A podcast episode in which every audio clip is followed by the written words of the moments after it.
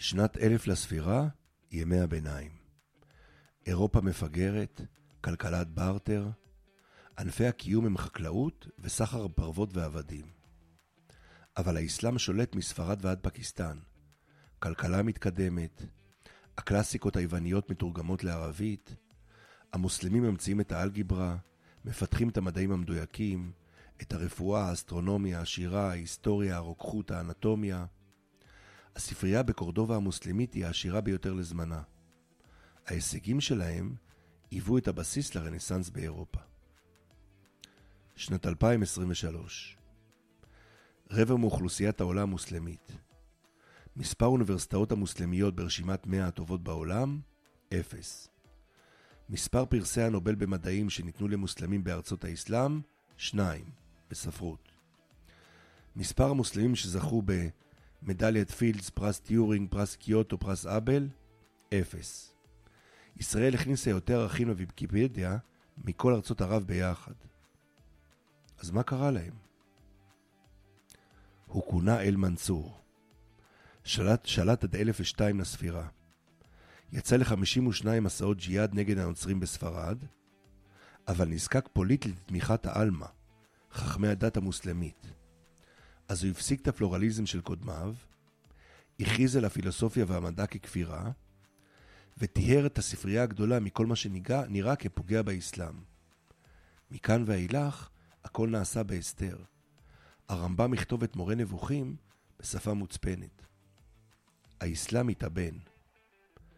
שיעור החילון באסלאם הוא הנמוך ביותר מכל הדתות. על כן, בשנת 2050, האסלאם ישתווה בגודלו לנצרות. הנוצרים נשארו לרוב פתוחים לטכנולוגיה ולמדע, והיום מובילים את העולם.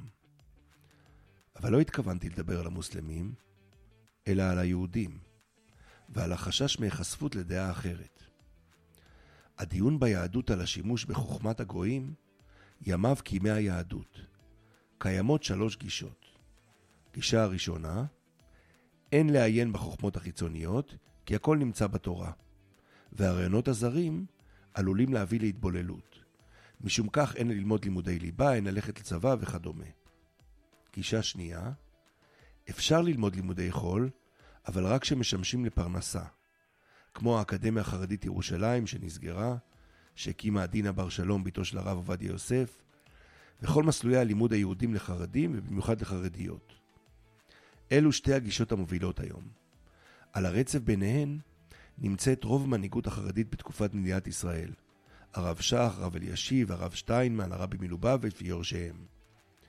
שכולם גדלו באירופה תחת טראומת השואה, ומן הסתם הושפעו.